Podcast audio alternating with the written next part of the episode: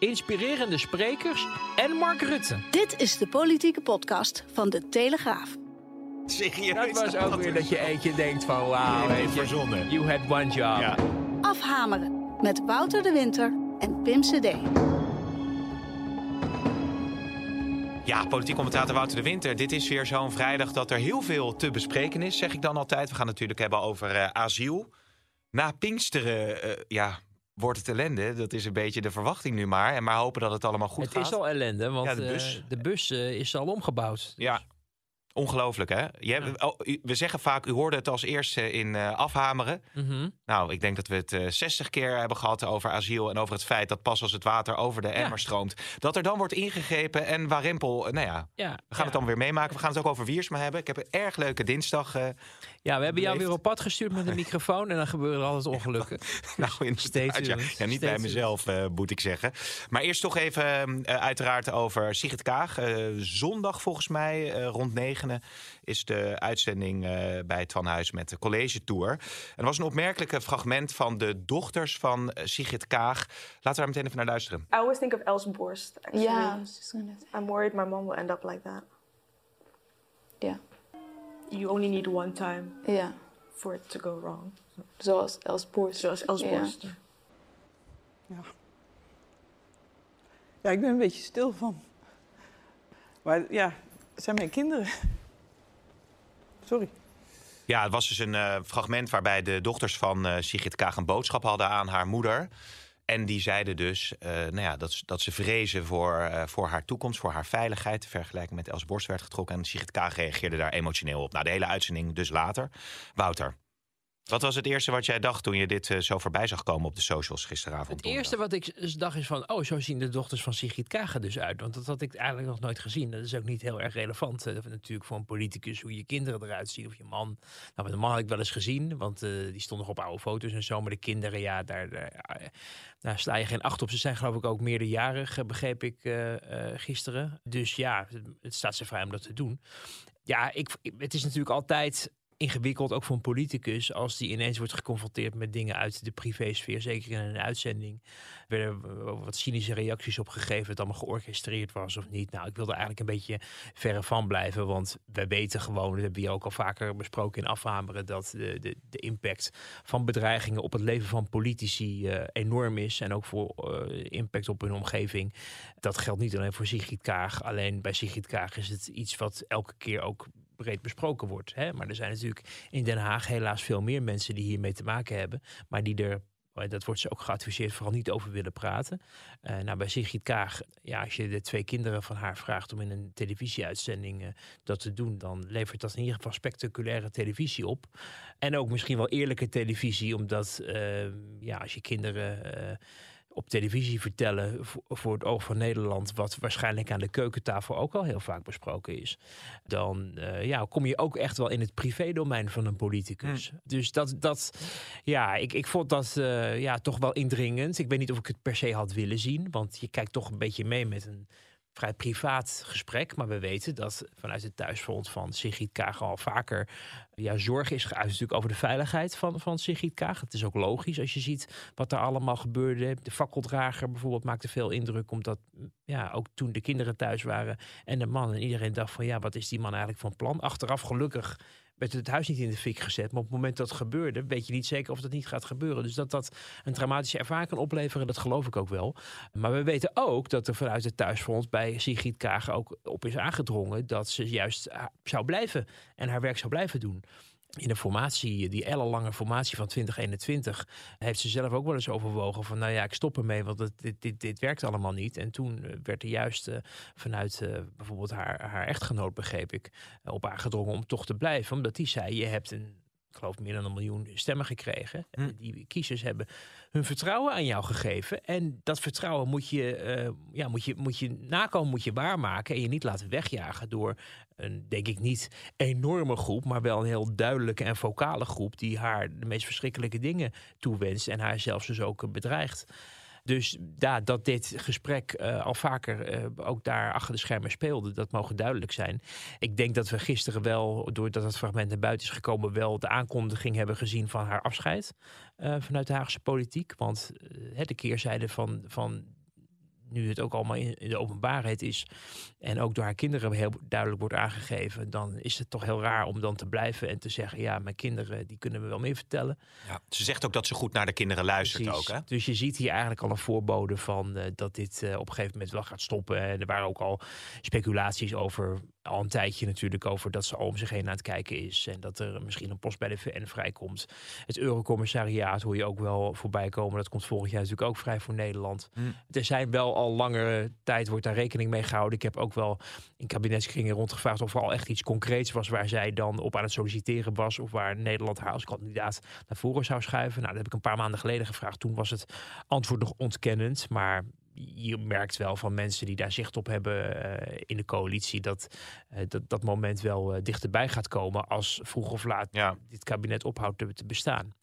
Dus dat gezegd hebbende viel mij wel gisteren op de reacties die daar op het filmpje kwamen. Natuurlijk, mensen hebben dan om een of andere reden ook gelijk de behoefte om daar ja, met veel aplomb op te gaan reageren. Ook veel mensen van andere politieke partijen die daar soms ook zelf mee te maken hebben natuurlijk gekregen met bedreigingen en de impact die dat ook heeft op het privéleven. En het voelt af en toe, en zo lees het af en toe ook een beetje als een noodkreet van Nederland zien jullie wel wat er in de rest van, eh, of wat er eigenlijk achter de schermen van de politiek gebeurt. En welke impact dat heeft ook op ons privéleven. En ook op de impact op, op dat van onze familieleden. Hè. De dochter van Hugo de Jonge is bijvoorbeeld ook eh, op een gegeven moment bedreigd. En ehm, je ziet wel dat politici er op een verschillende manier mee omgaan. Hè. Dat sommige mensen er ook echt over zwijgen. En juist ook niet willen dat hier heel erg veel over gesproken wordt. Maar we zien wel bij optredens van Sigrid Kaag dat ook journalisten het vaak ook ter sprake brengen. En dat het dan een gespreksonderwerp wordt, veel Mhm. meer dan een ook nuttig gesprek zou kunnen plaatsvinden over de kwaliteit van de, de financiële besluitvorming in het land. Of de voorjaarsnota of de Ja, ja. bezuinigingen. Het, het overschaduwt. We hebben natuurlijk de hele uitzending nog niet gezien van, eh van College Tour. Maar al heel snel het privédomein en de bedreigingen overschaduwen de interviews met Sigrid Kaag. Waardoor het eigenlijk nooit gaat of ze eigenlijk wel een goede minister van Financiën is. En dat is wel een vraag die je mag stellen. Maar ieder puntje van kritiek wordt langzamerhand opgevat als een soort aanval op het feit dat ze vrouw is. En dat ze kapot moet of wat dan ook. Terwijl je echt wel wat harder nodig kan krijgen over haar leiderschap. Ja, staat het niet los van elkaar ook ergens? Ja, nou ja, ik vind als je, als je op, op televisie elke keer, ehm, en trouwens in de reactiesfeer ook elke keer benadrukt over dat zij toch haar werk niet kan doen. En ik zag Marion Koopmans, zag ik twitteren van ja, eh, Nederland verdient haar niet en zo. Dan denk ik, nou, er zijn wel meer politici die, hiermee te maken hebben, helaas. Eh, Geert Wilders, ik denk dat zijn vrouw ook al 18 jaar vreest dat haar man eh, niet meer thuis komt. En ik zie daar in die reactiesfeer niet van Jesse Klaver of Marion Koopmans of van al die andere mensen. En niet daar met enige regelmaat schande van gesproken worden. Dat hebben we eigenlijk min of meer geaccepteerd. En er wordt al heel snel gedacht nu van, oh ja, maar Sigrid Kaag staat op een, Hmm. Ja, is een soort aparte factor en daar is het erger voor, of daar gebeuren ergere dingen mee, of daar, dat verdient meer aandacht, of het komt dat ze vrouw is. Ja, ik weet niet. Ik vind dat ingewikkeld, omdat ik ook gewoon uit eigen waarneming zie dat ook andere politici eronder gebukt gaan. En dan maakt het geslacht eigenlijk niet zoveel uit. Maar de beperkingen dat je thuis moet blijven omdat de staat er niet in kan voorzien dat jij dit weekend naar je ouders kan of Ja. naar een vriend of een vriendin of op het strand kan wandelen of met de hond of naar de supermarkt omdat er gewoon geen beveiliging is die jou daarbij kan begeleiden en dat je anders voor je leven moet vrezen als je de deur uitgaat. Dat gebeurt in Nederland en dat gebeurt veel te veel. Maar in de reactiesfeer zag je eigenlijk weer een beetje in de De selectieve verontwaardiging eigenlijk. Ja, het is Ja. heel, je moet de woorden wegen, hè, want het is natuurlijk hartstikke eh, vreselijk wat, wat haar overkomt. Maar jij ziet dus eh, vanuit het journaaien, vanuit opiniemakers, vanuit mensen die veel in de media zijn, meer ophef ontstaan als het Kaag betreft dan als het bijvoorbeeld Hugo de Jonge of Geert Wilders eh, betreft. Ja, en anderen die er. Want er zijn er echt nog wel veel meer die, die bedreigd worden, helaas. Maar die daar dus geen openbaarheid over geven. En je ziet ook wel dat. Het is een Pavlov-reactie, want hè, kinderen en, en tranen en moeder, ja, dat, dat natuurlijk, dat snijdt, dat snijdt je door je ziel als je dat ziet. Je, je, je kan je daar best veel bij voorstellen hoe dat ook bij Sigrid Kaag in een live uit, nou het is dan niet live, maar semi-live Ja. wordt opgenomen eh, aankomt. Dus daar kan je ook wel veel eh, bij voorstellen. Maar je ziet een enkeling, Corinne Ellemeet van GroenLinks, zag ik bijvoorbeeld eh, daar ook wel wat tweetjes aan toevoegen. Want het gebeurt, dames en heren, voor wie niet op Twitter zit, die zullen misschien ook helemaal niet zoveel meekrijgen over van al deze eh, verontwaardiging en reactiesfeer. Maar goed, misschien moeten we daar zelf ook wat minder aan gaan besteden. Maar Corinne Ellemeet die deed daar nog wel wat verduidelijking. Want die dacht wel van ja, het is wel heel raar dat we nu met z'n allen hier misschien terecht schande van spreken. Maar we veronachtzamen eigenlijk dat er eh, nog wel veel meer mensen zijn die hier het slachtoffer van zijn. Dus dat vond ik wel, eh, ja, Ja. zij sowieso behoort tot de verstandige vleugel van de fractie.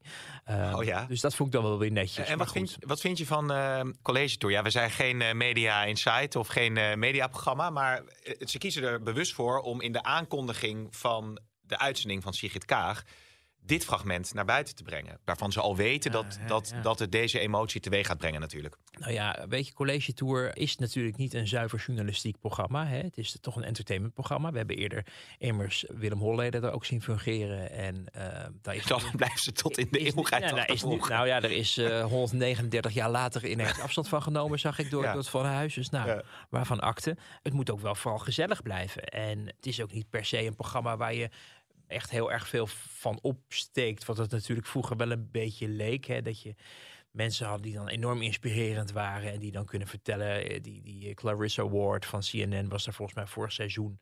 Hmm. Eh, dat was natuurlijk wel heel leerzaam. Want die is de oorlogsverslaggever voor CNN. En die, die kon heel indringend vertellen over wat ze allemaal meemaakt de afgelopen jaren. Maar ja, het Van Huis die heeft ook geen ruzie met kijkcijfers. Hoewel Nee, dat bij nou ja, bij RTL. Ja. bij Buitenhof natuurlijk wel elke week een beetje op lijkt. Maar die weet ook wel waar die mee kan scoren. Ik herinner me, ik ben vorig jaar... Ik doe af en toe mee met, met, met van die filmpjes... die ze dan eh, maken voor politici. Dat ze een eh, beschouwer, dat ik dan toch ben als politiek commentator... laten mee beschouwen over hoe iemand zijn werk doet. Dus ik heb het een keer met Khadija Ariep eh, gedaan. Nou ja, duidelijk haar sporen verdiend in de politiek. 23 jaar Kamerlid geweest. Kamervoorzitter. Ik heb nog een keer meegewerkt aan Pieter Omtzigt. Dat was vorig jaar. Die behoeft ook geen krans. Goede wijn behoeft geen krans, zullen we maar zeggen. Iedereen weet waarom Pieter Omtzigt gevraagd wordt... om bij College Tour aan studenten te vertellen... waarom het belangrijk is Ja. om te blijven vragen. Maar ze vroegen me vorig seizoen ook... of het seizoen daar, daar wil ik van af zijn... voor Christiane van der Wal. Oh ja. Om daar iets voor te zeggen. Toen heb ik bedankt. Je wilde niet over iets zeggen van het stikstofkaartje of zo. Dat je Nou, zegt, nou ja, ze had nog niks laten zien. En ze heeft nog steeds eigenlijk niks laten zien. Behalve dan dat ze natuurlijk ook te maken kreeg met die Nou ja. intimidatiepogingen van, van die boeren. Waar ze op blote voeten toen zei van... mijn kinderen en mijn man zijn thuis en wegwezen jullie. Terecht. Heeft ze goed gedaan. Daar heeft ze naam en faam mee vergaard. Maar als minister heeft ze tot nu toe niks laten zien. Is nu wel het stikstoffonds eindelijk met me- meerderheid natuurlijk van de coalitie en, en nog twee eh Einzelgangers in de Kamer aan de meerderheid eh, geholpen. Maar goed, moet nog ook nog door de Senaat. Dus ik dacht van, nou ja, eerst maar eens echt, echt iets presteren. Ja. Voordat je daar een beetje over gaat becommentariëren. Want dat kunnen we net zo goed in afhalen. Ja.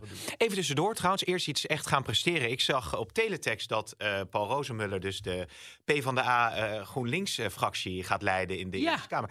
Maar niemand reageerde erop, maar ze hadden als tekst... Nou, achter de schermen. Ja, nee, maar ze hadden het woord corrivee eh ik, sprak er gisteren, gebruikt. ik sprak er gisteren nog eentje van de PvdA achter de schermen. Die zei, breek me de bek niet open. Oh, dus toch? Want ik had dat op Twitter even. Ik denk, ja, corrivee. Ik zoek nog even op wat betekent corrivee dan eh, precies. Nou, ja, dat is toch een beetje een soort van heldenstatus, toch? Dat zeg je niet. Je zegt eh corrivee Wouter de Winter als je straks met pensioen gaat over een jaar of eh 30, 40, 50. 50. maar dat vond ik wel opvallend. En daar, dat, leek allemaal heel vanzelfsprekend zo te gaan. Ja, nou ja, Paul Rozenmuller is gewoon, is gewoon eh, GroenLinks adel natuurlijk. Die man heeft eh, die partij op de kaart gezet. Ja. Nooit echt tot grote hoogte gestegen qua zetelaantal. Dat heeft Jesse Klaver wat dat betreft beter gedaan. Maar wel iemand waarvan je natuurlijk kan afvragen of dat, als je een nieuwe beweging probeert te beginnen, PvdA GroenLinks samen, nieuw elan, hè, dat hoort er toch een beetje bij, of dat dan de meest uit logische keuze is. De man is geloof ik 67. In die kringen is het bovendien ook niet, wordt het niet gewaardeerd dat je van een bepaald geslacht en een bepaalde leeftijd bent en een bepaalde huidskleur, namelijk wit, man en hetero, en ook nog eens 67. Nou, dat is, daar daar lig je doorgaans in die kringen tegenwoordig nog echt eh, buitenspel. En nu is hij ineens de fractieleider, wat eigenlijk de, ja, de eerste vooruitgeschoven post is nu van de gezamenlijke fusiebeweging. Ja. Hè? Want hij is de enige die echt, behalve dan een paar lokale fracties, daar waar al eerder al werd samengewerkt. Maar in de Tweede Kamer is men nog niet zo ver met één eh, gezicht. Hè. Er zijn nog Adje Kuik en Jesse Klaver altijd weer op de troon. En nou, de laatste informatie is ook niet dat dat heel snel gaat veranderen. Omdat er toch wel vrij veel weerstand is. Ook nog steeds, vooral ook bij de PvdA, om je door een GroenLinks te laten vertegenwoordigen. Zeker als gezicht in eh, de volksvertegenwoordiging. Dus inderdaad, Corrivé. En de man heeft zijn sporen echt verdiend. En hij kan goed debatteren. Heeft hij ook in de statenverkiezingscampagne laten zien. Maar of dit nou het visitekaartje is waar de Sociaaldemocraten zich bij thuis voelen, dat is Ja. een tweede. Nou, over eh, visitekaartjes gesproken. Is Sofie Hermans een visitekaartje voor de VVD? Dat kun je je toch wel, eh, wel afvragen. Het was wel een, ehm, ja, een kostelijke middag eh, afgelopen dinsdag. Oh, je bent zo, zo van het leedvermaak jij tegenwoordig. Hè? Wat is dat toch? Ja. Nou ja, uiteindelijk was eh, Wiersma was dus 's ochtends vroeg eh, langsgekomen, eh, onderwijsminister op de VVD-fractie, om toch nog even tekst en uitleg te geven over alles wat er was gebeurd. Veel onrust binnen de fractie ook ontstaan. Hè, over Misschien zijn, toch even nog kort uitleggen wat, je- waar Wiersma dan precies voor moest. wil, jij, wil jij die, die eer pakken?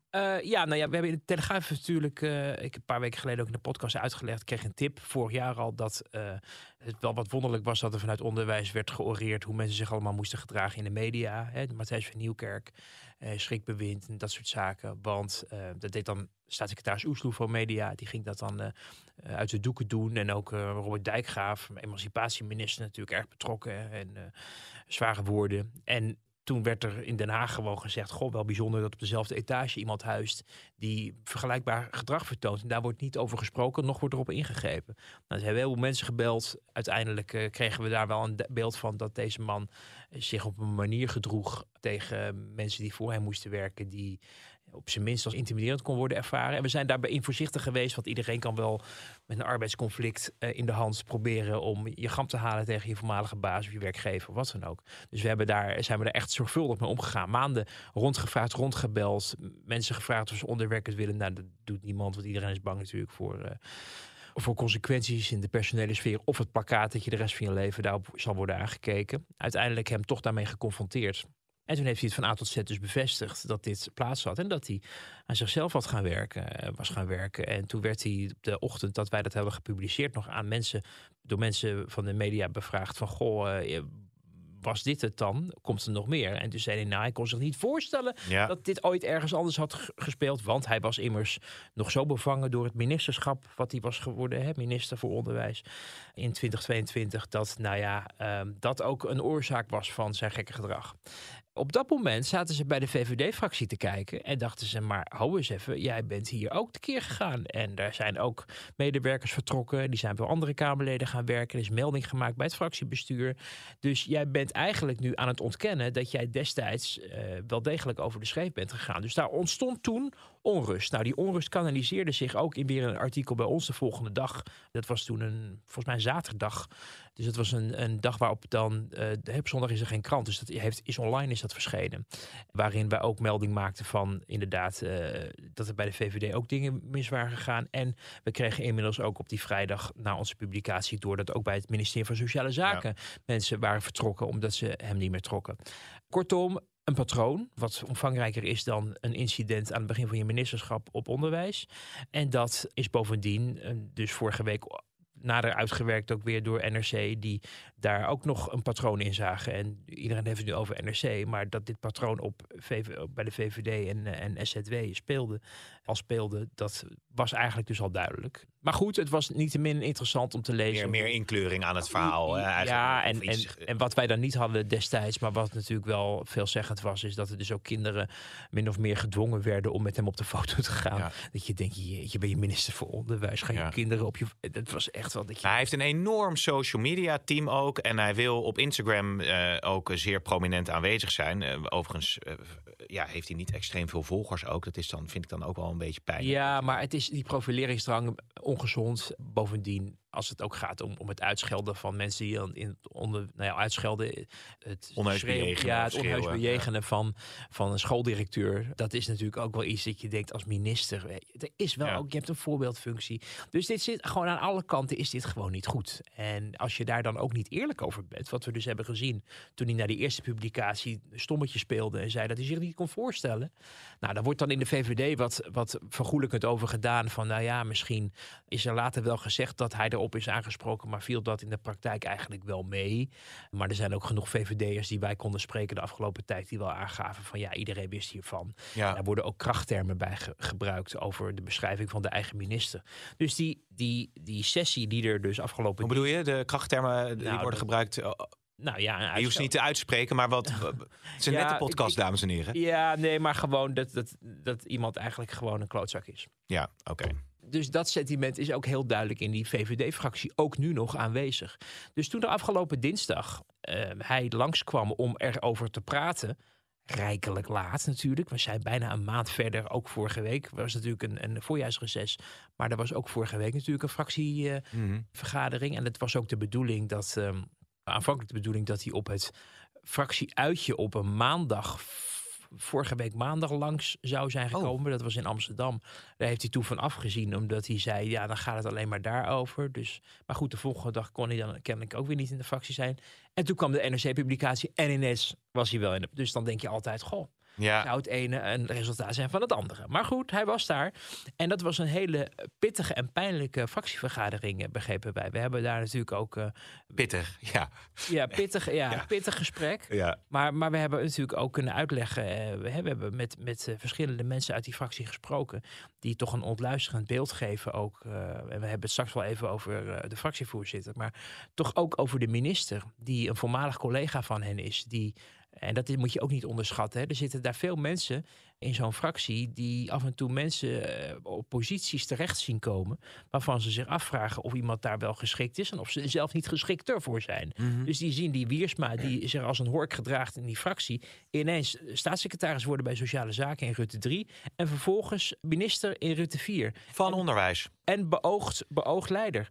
Eigenlijk, hè, of in ieder geval een van de kandidaten. Dus die hebben zoiets van hoe kan dat? Jij bent ja. eerst hier als een monster tekeer gegaan en dan vervolgens helpt Rutte jou gewoon op het schild en beschermt hij jou. Dus er zit ook veel frustratie. Dus nou, daar hebben mensen zich over uitgesproken in die fractie. Uh, dat ging er heftig aan toe. Uh, hè, mensen die echt zeggen van uh, je helpt mensen de vernieling in. En eigenlijk een beeld opsteeg van ja, hij heeft niet het vertrouwen van zijn eigen, zijn eigen fractie. Zijn eigen fractie meer. Nou, toen zijn er sessies, hè, er zijn mensen dat uitgesproken. Uiteindelijk is gevraagd van oké, okay, als hij dan nu zijn excuses aanbiedt en zichzelf gaat verbeteren en dat serieus neemt en nou, bla bla bla, kan iedereen dan leven met dat we hem daar een soort laatste kans voor geven. En daar hebben ook de mensen die daar heel kritisch over waren zich uiteindelijk bij neergelegd, omdat kennelijk niet de sfeer was je je hand opstak en zegt, maar ik wil toch dat hij weggaat. Want nou ja, hè, je bent ook een team, je bent ook een partij en je denkt, helpt dat veel? Wat doet dat met mijn eigen kansen in de partij als ik samen met misschien nog een paar anderen het aftreden van een minister uit eigen kring ga eisen? Uh, dus dan wordt dan toch besloten van, oké, met de moeder wanhoop maar door. Maar hem ook de gelegenheid geven om er nog eens over na te denken wat hij nou eigenlijk allemaal heeft aangehoord in die fractie. Dus je merkte toen jij vervolgens bij die deur stond uh, bij Sophie Hermans na afloop om te vragen wat de fractievoorzitter er eigenlijk maar van vond, dat er eigenlijk nog een moment kennelijk was dat Wiersma nog moest reflecteren ja. op hoe erg die fractievergadering ja. was en het een beetje in de lucht hing of hij misschien niet zelf de eer aan zichzelf zou houden gehoord hebbende dat er zoveel weerstand was in zijn eigen club. Kijk, die fractie kan een motie van wantrouwen tegen hem indienen, maar dan ja. is het helemaal verkeerd. Dus, dus je, af en toe in de politiek probeer je subtiel ja. Ja. een signaal te geven van misschien uh, kan je jij iets anders doen dan minister voor Onderwijs. Exact, misschien kun je beter de, de, de eer dan aan jezelf houden als er zoveel uh, druk is, zelfs vanuit de VVD-fractie. Was dat dan de, de hoop, de stille hoop? Ik kon me niet aan die indruk onttrekken dat, dat een aantal van de fractieleden daar ook echt op hoopte. En, en misschien zelfs ook wel in de top. Want je merkte wel in, in de, ook de hoge contraien van de VVD-fractie dat, uh, dat men ja, uiteindelijk toch uh, geen goed gevoel over heeft gehouden aan dit hele spektakel. Ook omdat hij daar niet eerlijk over geweest is, omdat hij niet lijkt te erkennen dat hij toch wel stelselmatig over de schreef is gegaan. En er nog steeds ook bij ons, maar ik denk ook bij andere media, uh, signalen binnenkomen dat er nog wel meer te vertellen valt. Ook Ja. op weer andere gelegenheden met andere mensen die tot nu toe ook zwijgen. Maar zeker in het onderwijsveld mensen ook het idee hebben van, uh, nou, als jullie van ons verwachten dat wij de nieuwe generatie opvoeden en opleiden op een fatsoenlijke manier, dan past het niet dat zo iemand aan het hoofd van de organisatie Ja. staat. Ik heb hier zo ontzettend veel vragen over nog. Maar laten we even luisteren naar hoe dat dan ging met Hermans. Even nog inleidend, want eh, ze kwam inderdaad eerst naar buiten toen ze nog met Dennis Wiersma moest spreken. Een soort van tussenstand eigenlijk. En nadat ze Dennis Wiersma had gesproken, kwam ze nog een keer naar buiten. En beide keren gaf ze één antwoord en verdween ze weer. Daar laat ik het dus voor dit moment even bij. Maar wat vindt de fractie dat er Is zijn positie houdbaar? Is dit het? Wat heeft u met minister Wiersma besproken? Ehm, de fractie vertrouwt erop dat Dennis alles in het werk stelt om ervoor te zorgen dat dit gedrag, waardoor mensen zich onveilig hebben gevoeld, tot het verleden behoort. Eh, en ik vind dat zelf echt ongelooflijk belangrijk, omdat ik er hier als fractievoorzitter van de VVD heel veel waarde aan hecht. Dat iedereen die hier werkt bij onze fractie dat op een prettige en veilige manier kan doen. Dank u wel. Maar dat kan dus niet uiteindelijk. Mevrouw Hermans, is zijn positie nou houdbaar? Nee, dat meent u niet. Wat een heel gek gesprek was dit. Het was zeg maar gewoon geen gesprek. Even uitleggen, dus toen liep ze weg en toen ging, ging de deur ook weer dicht. Ik moet er nog steeds van bijkomen. En toen kwam eh, Kees Berghuis natuurlijk eh, naar buiten, die dan ja, de spindokter of woordvoerder is. En zei: Het is toch duidelijk? Ja. Het is nu duidelijk. Ja, maar, maar nog even, dus Ja, wat mensen, nou, wat horen maar. mensen nu? Hè? Want, want het is allemaal best als je er niet bij, wij waren erbij, dus wij Ja. zagen het. Maar staan er te wachten. Ze heeft kennelijk nog een gesprek met adviseurs. Het is na de fractie. Ze komt naar buiten, geeft een, geen antwoord op een vraag, maar iets van een statement. Ja. Waar ze al de camera's in kijkt en draait zich om. En met haar gevolg verdwijnt weer in Ja. haar fractiekamerdeur. Boem. En al die journalisten zeggen: Ja, maar we hebben Ja. nog wat vragen. Dus dat was heel raar. En dat deed weer denken aan wat we natuurlijk hebben gezien rond de komst van Mark Rutte. Van een half jaar geleden, toen eh, eh, hij, ze bij herhaling zei dat er een pittig gesprek had plaatsgevonden met, Ja. eh, met de partijleider van de VVD. En je ziet gewoon de worsteling. Dat Nou, ik denk dat ze ervoor gewoon- hebben gekozen van dat escaleerde zo. Dat geeft Sofie Hermans nu maar een korte verklaring. Want dan is er ook geen risico dat het uit de hand loopt verder. En dat ze nog beschadigder eruit komt. Ja, maar ook heel raar om dan twee, dat in twee fouten te doen. Ja. Wat twee keer gewoon ongemakkelijk eh, is. Hè. Je hebt kennelijk eerst nog een beeld van, nou ja, misschien kan hij nog weg. Dus we hebben hem nog niet te pakken gekregen. En daarna gaan we er nog eens. eh, kijken we wel waar het schip strandt. En dan vervolgens eh, heel, ook heel duidelijk zeggen van ja, ik vind het belangrijk dat iedereen hier veilig is. Nou ja, dat moet je natuurlijk als, als werkgever voor al je fractiemedewerkers en je fractieleden natuurlijk ook, ook uitstralen. Dus dat is op zich een logische spreeklijn. Maar, maar ik, ik vraag me echt met enige regelmaat af of zij zich wel realiseert hoeveel macht de fractievoorzitter van de grote partij eigenlijk ja, zou kunnen uitoefenen. Hè? Eh, Zij kan Wiersma opbellen en zeggen: Dennis, dit gaan wij niet meer verdedigen. Dit gaan wij niet trekken. Dus dat kan ze bij Rutte trouwens ook doen. Mhm. Als het gaat om voor hen onwelgevallige koersen besluiten. En het is elke keer is het schipperen, wijfelend. Is ook kritiek nu op hè, vanuit de fractie zelf. Waarin mensen zeggen van ja, we hebben dit nu al eerder gezien. Bijvoorbeeld ook bij Soumaya Sala. Dat was ook zo'n uitslaande brand. Die, eh, die mevrouw die dan eh, bij de Hofstadgroep gezeten had, daar veroordeeld is. En dan ineens adviseur radicalisering was. Wat niemand kennelijk zich realiseerde. En waar veel vragen over waren. Omdat zijn met een automatisch wapen geloof ik. Maar hou me ten goede, want hele dossier ken ik niet uit mijn hoofd. Maar in die kringen was het gebruikelijk Ja. om automatische wapens te dragen. om mensen als Geert Wilders om te brengen. En als die dan ineens heel dicht bij een politieke partij actief blijken te zijn. Mhm. dat, dat leidde tot grote ophef. En ook toen ja, was het heel onduidelijk van wat, wat doet ze nou eigenlijk? Ja, maar hier is dus ook nou sprake van een patroon. Dat elke keer als er, als er Ja. crisis is bij, binnen de fractie, dan is ze dus niet in staat Ja. om eh, de rust te bewaren. te pakken. Ja, en dat hoor je ook uit, uit haar zeer nauwe omgeving. Dat zij gewoon veel beter is in werk achter de schermen. Het, het werk van een fractieleider van de grootste partij is ook veel achter de schermen. Maar waar de VVD nu behoefte aan heeft, is leiderschap. En zeker met een premier die, die weet bij Rutte nooit, maar misschien in zijn laatste termijn zit. En ooit het stokje zal moeten overdragen. Eigenlijk eh, veel meer behoefte heeft een VVD aan een leider als fractievoorzitter die een concurrent kan zijn van Rutte. Omdat je op een gegeven moment toch een bladzijde om moet slaan. Om te zeggen, we gaan het nu op een andere manier aanpakken. Want de kiezers lopen inmiddels weg. Want dat is evident gebeurd natuurlijk. Als je ziet hoe uiteindelijk eh, de positie van BBB wel erg eh, sterk Mhm. is geworden. En ook mensen bij de VVD zijn vertrokken. En de VVD eigenlijk vrij weinig binnenhaalt. Hè. Er wordt geleverd op klimaat voor D66. Carola Schouten mag eh, zonder bezuinigingen haar armoedebeleid voor de ChristenUnie voortzetten. En het pensioenstelsel er doorheen lossen. Maar wat krijgt de VVD eigenlijk voor elkaar in deze coalitie? Dus je moet dan ook een boegbeeld hebben dat, dat een zelfverzekerde indruk maakt, in charge is en, en ook besluiten durft te nemen. Zo van, wij zetten hier wel even een streep en wij trekken hier de grens. Maar hier speelt dat het niet de aard van het beestje is, of blijkt van Sofie Hermans om dat te doen. Meer achter de schermen met elkaar praten en het compromis zoeken. En tegelijkertijd dat ook een rol speelt, is dat ze natuurlijk een politieke leider heeft. Die in een torentje zit, die haar vroegere baas is. ze schiet vol als je zegt over tassendrager. Ja. Maar ja, de kont tegen de krip gooien en, eh, en, en Rutte van weerwoord dienen. Ook over het onderwerp waar we het zo eh, over gaan hebben, bijvoorbeeld asiel. eh, ja, daar is wel behoefte aan. En je zag het wel even gebeuren in het debat over de verkiezingsuitslag. Dat ze zei, het kabinet moet nu eindelijk met klimaat en asiel leveren. Want dit is de laatste keer dat ik het vriendelijk vraag. Ik denk, nou, dat is de eerste keer geweest dat we dachten dat de VVD-fractie onder leiding van Hermans een eigenstandige koers vaart. Die niet Hm. bedoeld is om Rutte maar te pleasen. Maar waarin werd gezegd, wij willen nu wat. En we gaan er- hem er ook en jullie als kabinet er ook op afrekenen. Ja. Maar ja, inmiddels is dat alweer, lijkt alweer eeuwen geleden. En merken we er weer niet zoveel van. Maar dat is eigenlijk wat je veel meer zou moeten zien. Wil je die broodnodige smoel geven aan een VVD-fractie... die echt wel, overigens, echt goede Kamerleden in huis heeft. Het is een veel betere fractie dan de vorige fractie. Alleen, nu is het ook tijd om dat kapitaal om te zetten in resultaat. Ja, overigens, eh, tot slot hierover. eh, lijkt er dan toch een beetje op alsof Wiersma met een bord voor zijn kop, oneerbiedig Ja. gezegd, misschien doorgaat.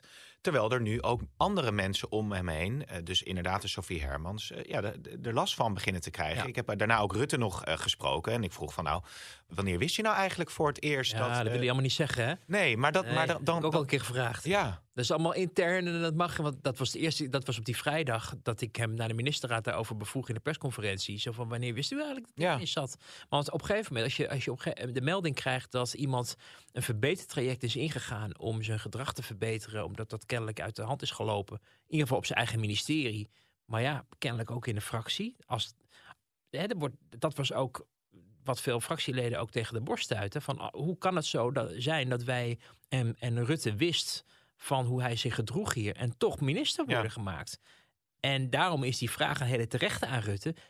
Wist hij daarvan? Hij was natuurlijk geen fractievoorzitter, maar hè, men praat neem ik aan wel rond, ook in de top van de partij als een, als een Kamerlid de ene aan de andere medewerker uh. Heeft hij dat signaal toen opgepakt? Of, of heeft hij het pas later gehoord, of nu, of, of een paar weken geleden? En uh, door daar geen antwoord op te geven, blijft hij ook weg bij de vraag van ja, maar heb jij dan niet gefaciliteerd dat iemand waarvan je wist dat, het, dat daar een, toch een vlekje aan zit, toch maar gewoon minister ja. kon worden? En heb je daarmee de meldingen die over hem waren niet serieus genomen? In deze tijd natuurlijk een hele gevoelige materie. Ja. Dus geen wonder dat hij op die vraag geen antwoord Dat is heeft. tussen Dennis en mij, zei hij. Daarop. Dus dat is dan ook Ja. een op, opmerkelijk antwoord. Ja, dat wordt dus wellicht nog weer. Nou, je- wat je wel kan concluderen is dat, dat hij eh, niet meer echt een serieuze kans maakt om Rutte op te volgen. Nee. En dat dat ook in de partijtop ook eh, inmiddels wel eh, duidelijk is. Dus dan vraag je af, waarom zit je dan eigenlijk nog? Ja, niet dat het eeuwige doel moet zijn om Mark Rutte op te volgen. Maar als je weet dat je je eigen glazen al hebt ingegooid. Kijk, wat hem nog in het zadel houdt, en dat is dat, dat vriend, maar ook wel vijanden zien dat zijn ministerschap in principe wel goed wordt ingevuld als het gaat om Mhm. de koers. En dat hij door heil- heilige huisjes durft aan te vallen. Er is nu ook weer een, een conflictje met de onderwijsinspectie. Waarin hij iets van de onderwijsinspectie verwacht. Waarvan de onderwijsinspectie zegt: daar gaan wij niet over, dat willen wij niet. Wij moeten geen partij zijn, maar beoordelen. Nou, dus je ziet dat hij probeert om dingen te forceren in een vastgelopen onderwijs. Ja. Dat vanwege artikel 23 en de vrijheid van onderwijs heel weinig speelruimte aan de politiek biedt om daar in de klas bij, aan bij te sturen. En dat wordt door veel mensen ook wel gewaardeerd, dat hij dat wel probeert. Alleen als het gaat om een ja, geloofwaardige eh, kandidaat opvolger voor Mark Rutte, dan heeft hij eh, zichzelf wel in een hele moeilijke positie Ja. gebracht. Nou, laten we deze even parkeren. Wordt eh, vast eh, vervolgd dus. Asielberaad zit muurvast. Wordt het trouwens gezellig, dat VVD-congres? Dat is niet deze zaterdag, maar de zaterdag erop. Nou, meestal is het zoals je zegt, bitterballen en bier en een beetje, Ja, een beetje dansen. ook wel een beetje de grijs gedraaide plaat. Ja, sorry. Van, Maar oh, bij verwacht- de VVD is het altijd gezellig. verwacht jij en een pittig-. Verwacht jij een pittig Is wel eh, waar, congres? overigens. Ja, Ja, Het clichés is, zijn en het waar. is trouwens, het is dus geen congres, hè? Oh. En ze hadden dus eerst Meet-up? Nee, ze hadden eerst congres. Eh, dat was het, zo noemt elke partij het. Daarna kwam het festival. Oh ja, oh ja. Christiane van der Wal bedacht. Die zei, we gaan gewoon een hele dag suikerspinnen eten. en ministers op Gimpen naar het, naar het congres laten komen. En Ja. dan, dan zijn we inclusief. En dan komen er ook mensen die niet per se VVD stemmen. Maar zijn ook ver- verleid om zich Ja, te laten want dan inspireren. denk je natuurlijk, wauw, daar moet ik bij zijn. Ja, want het ziet eruit als een feesttent. Dus misschien is het wel een festival. Weet jij veel.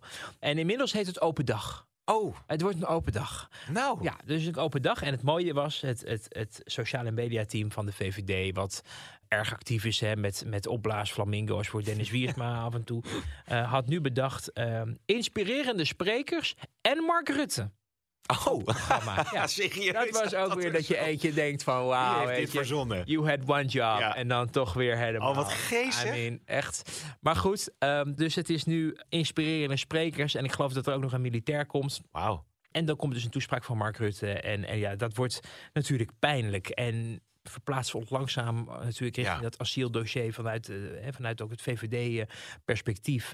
VVD heeft natuurlijk Mark Rutte beloofd om de instroom, de asielinstroom omlaag te brengen. Dat een persoonlijke commitment van hem was.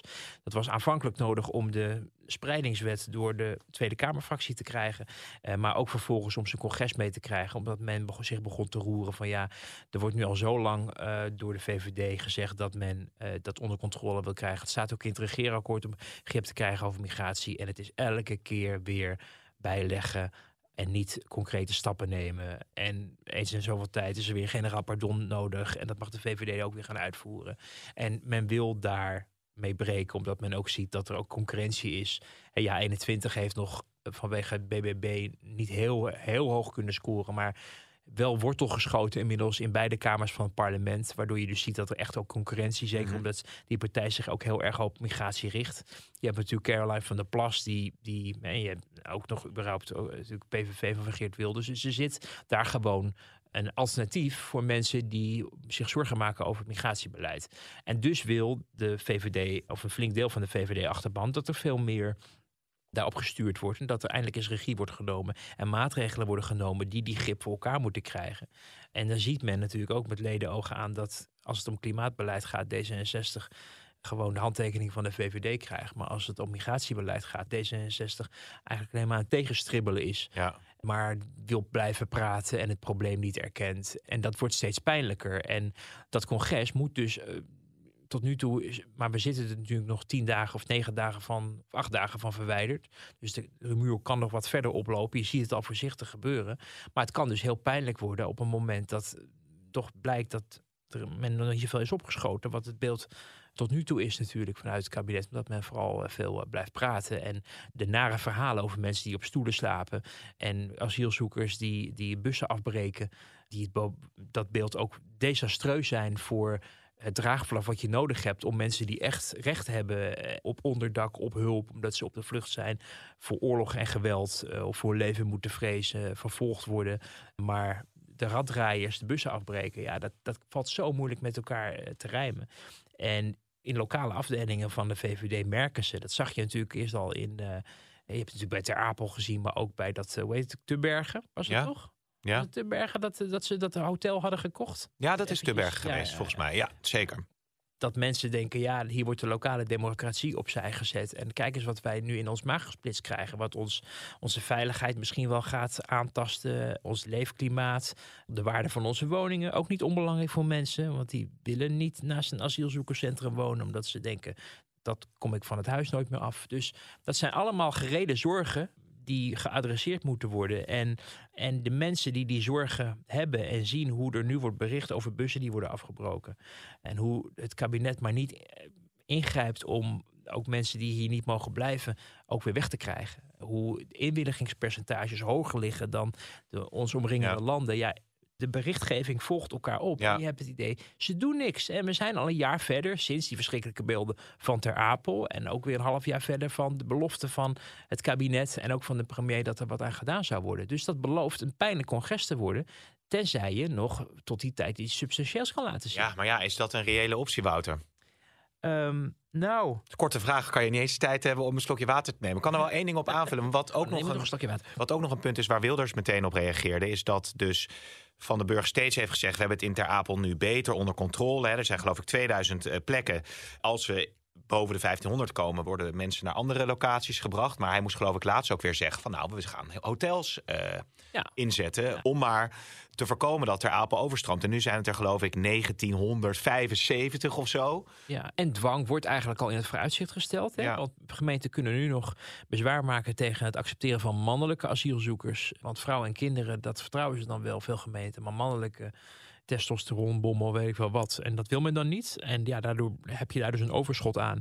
Dus heeft de staatssecretaris al aangekondigd van ik ga daar op eigen houtje en met mij de daartoe mij verstrekte eh, macht daar gewoon zelf eh, beslissingen over nemen. Mensen daar echt neerzetten. Ook al wilden jullie als gemeentes dat niet. Dus natuurlijk heel pijnlijk. Het afhuren van hotels. Ja, kijk, en dan heb je het ook weer over het draagvlak. Hè. Dan heb je niet alleen maar over de, over de, de vervelende verhalen van overlast, maar de onrechtvaardigheid die erin gebakken zit. Dat er gewoon veel mensen zijn in Nederland die het moeilijk hebben om de eindjes aan elkaar te knopen. Kinderen die, één op de zes kinderen of zo, die zonder ontbijt naar school gaan. Mensen die geen huisarts kunnen krijgen of überhaupt een docent voor de klas. Er zijn best wel wat problemen. En mensen hebben het idee, ja, er worden nu hotels geregeld. En eerst hadden we al de, wat Wilders dan noemde, de luxe cruiseschepen. Ja. Nou ja, luxe is natuurlijk een gemeen bijvoeglijk naamwoord. Maar dat waren dan boten waar bedden Wordt, waren. wordt allemaal ook wel heel erg uitvergroot. Hè? Dat soort beelden dan, die wordt natuurlijk gretig gedeeld door Ja, Wilders ook. Het is ook hoewel inspelen op als je- sentiment. Als je de filmpjes ziet van het ontbijtbuffet, die natuurlijk ook in, in PVV-kring ook wel opdoken en ook verspreid werden. Ja. Dat staat wel in schril contrast met eh, het leven van in ieder geval een deel van de Nederlandse bevolking. Dus dat ondergraaft het draagvlak alleen maar en geeft alleen maar aan waarom die noodmaatregelen eigenlijk exponentieel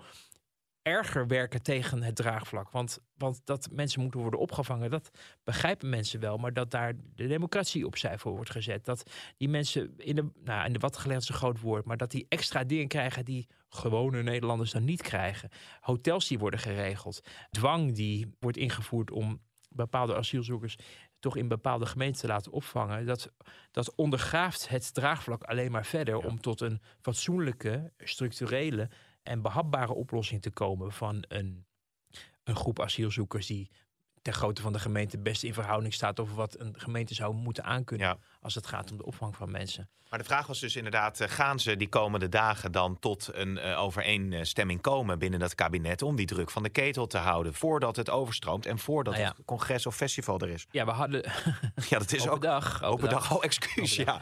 Nee, we hadden, we hadden natuurlijk vanochtend daar een, eh, het is vandaag vrijdag, een stevig stuk over. Dat daar veel sceptisch over is, op meerdere vlakken. Je merkt ook wat teleurstelling in de coalitiekring. Dat er op de ter rechterzijde ook wel een beetje werd gehoopt op welwillendheid van partijen als D66 en ChristenUnie. Omdat bijvoorbeeld hebben we weer over het klimaatpakket. Maar daar zijn die andere partijen uiteindelijk ook mee akkoord gegaan. Dus er wordt wel geleverd.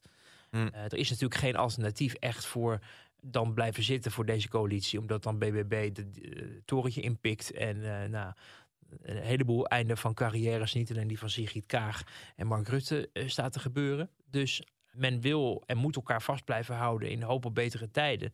Maar men hoopt ter rechterzijde dat dat ook zou betekenen dat ook D66 wat meer zou inschikken.